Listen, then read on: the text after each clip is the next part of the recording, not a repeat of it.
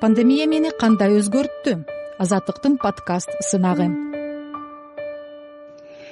Асылбекова дарика ак жүрөк кресттик борборунун жетекчиси. Ош шаары. Карантиндеги менин жетимиш үч күнүм.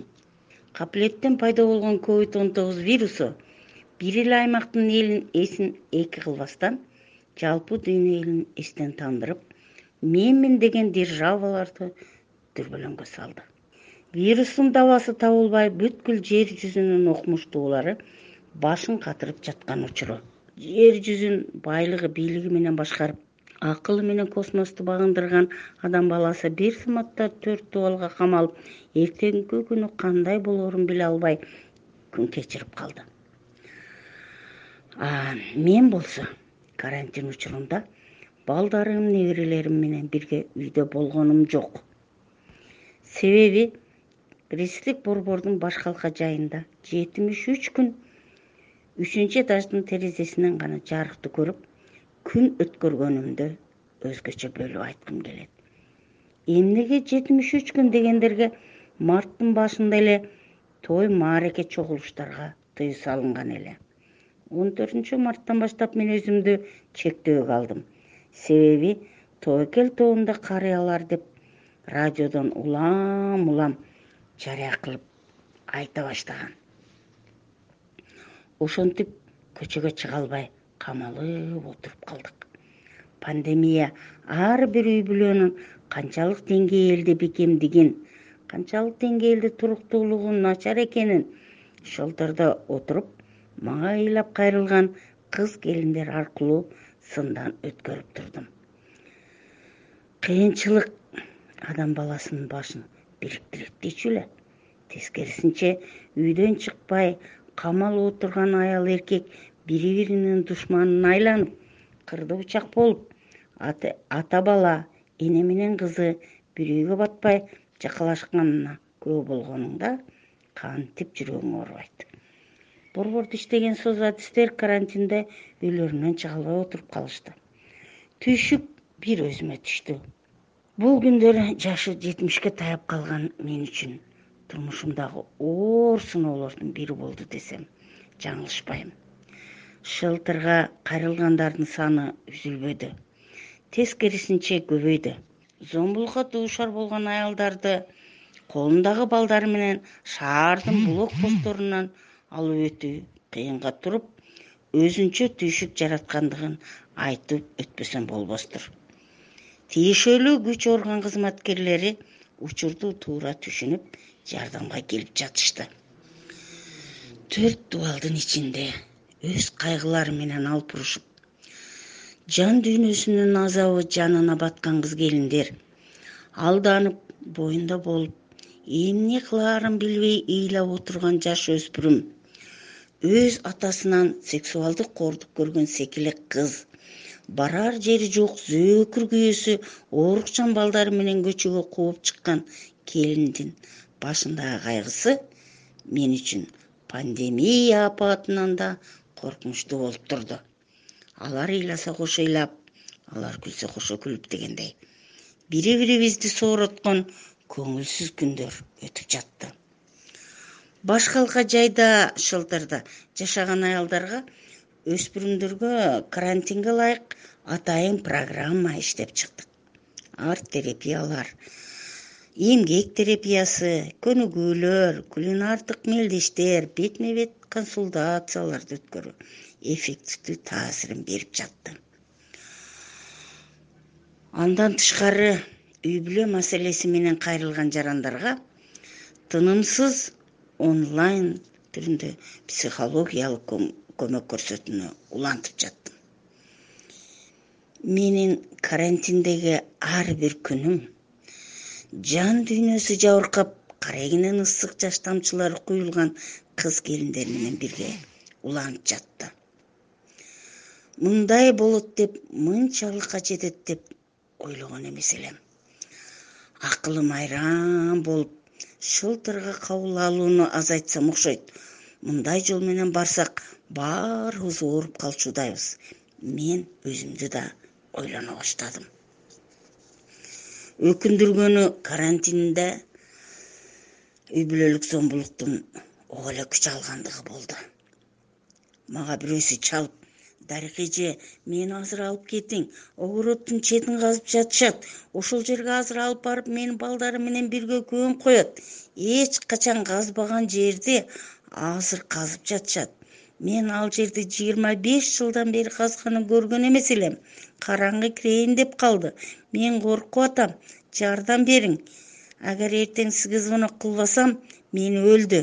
Кечээ айтканы туура экен деп кое бериң деп жалып ыйлады ого эмне дээримди билбей жакамды кармап туруп калдым.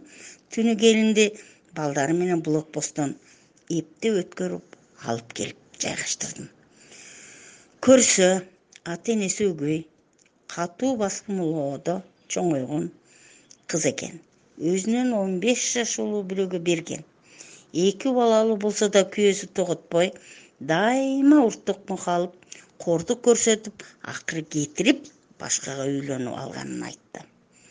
Ошол күнү кеч ата энеси бекер жаткан жердин бир бурчун иштетип бир нерсе эгип коюу үчүн жерди каза баштаганда келиндин көзүнө ошондой жаман ойлор келгенин мага айтып берди. Дагы бирөө чалат. Түнкү саат жыйырма үчтөн кырк беш мүнөт өткөндө жатсамбы деп отурсам звонок. Шаардык убддан дарик эже кечиресиз.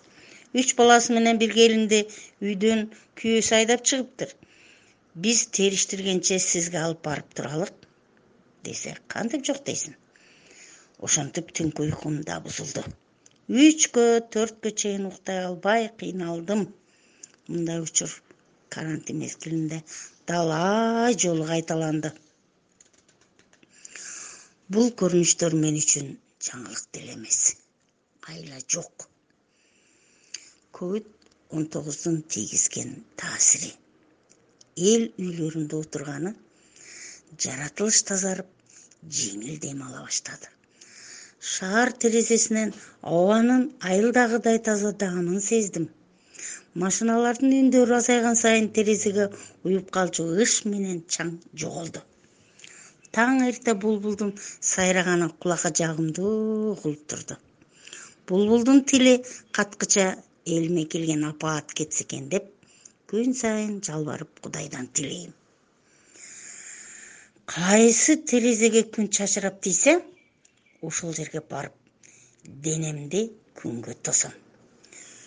Жүзүмдү да кактап күн жедирем. Чыккан күндү карап туруп жаратылыш эле эмес мен өзүмдүн денем дагы дем алып жатканын байкап калдым күндө жумушка жөнөөрдө чойгулап чачым көзүм кашым кулагым эс алып тырмагым боелбой дем алганына чындап сүйүндүм. Жазда кийем деп сатып алган кийимдерим жаз өтүп кетип кийилген жок. Терезеде күндү карап отурам оюма жакшы да жаман да ойлор келип көзүмдөн жаш куюлганын бирөө көрүп калбасын деп тазалайм өксүк тагдырымды ойлогондо көз жаш кургур токтобой төгүлөт жаман ойлорду алыска кууп өзүмдү алаксытам сооротом элимди эл ичинде балдарымдын неберелеримдин амандыгын өмүрүн тилеп айрым учурда көз ирмебей таң атырам. Кайраң гана эненин жүрөгү. Унутта калып кеткен адабий китеп окуу марафонун күн алыс балдарым неберелерим менен онлайн түрүндө уюштуруп дантенин божественная комедия антуан де экзеперинин маленький принц джек лондондун мартин иден габриэль гарсиянын сто лет одиночества сыяктуу чыгармаларын кызыгуу менен окуп чыгып талкуулап жаттык. Менин балдарымдын өздүк китепканаларында ушундай чыгармалардын бар экендиги мени бир жагынан кубандырса экинчи жагынан сыймыктандырды. Он төрт жаштагы неберем дастандын карантин ортолоп калганда мага ватсаптан жазганы өзгөчө таасир калтырды. Тайне сиз карантинде өзүңүз жалгыз шелтерде кыйналган аялдардын проблемаларын угуп чарчадыңыз. Ошого менин жүрөгүм абдан ооруп жатат. Биз го атам апам иним карындашым болуп көчөгө чыкпасак да чогуу көңүлдүү жашап жатабыз. Адамдар бир ай жалгыз калса депрессияга түшүп стресс болот дегенди интернеттен окуп дароо эле сизди ойлодум ошондуктан аз болсо да сизге жардам бергим келет. Келиңиз онлайн чогуу отжимания жана пресс жасайлы бизге кошулуңуз деп жазыптыр.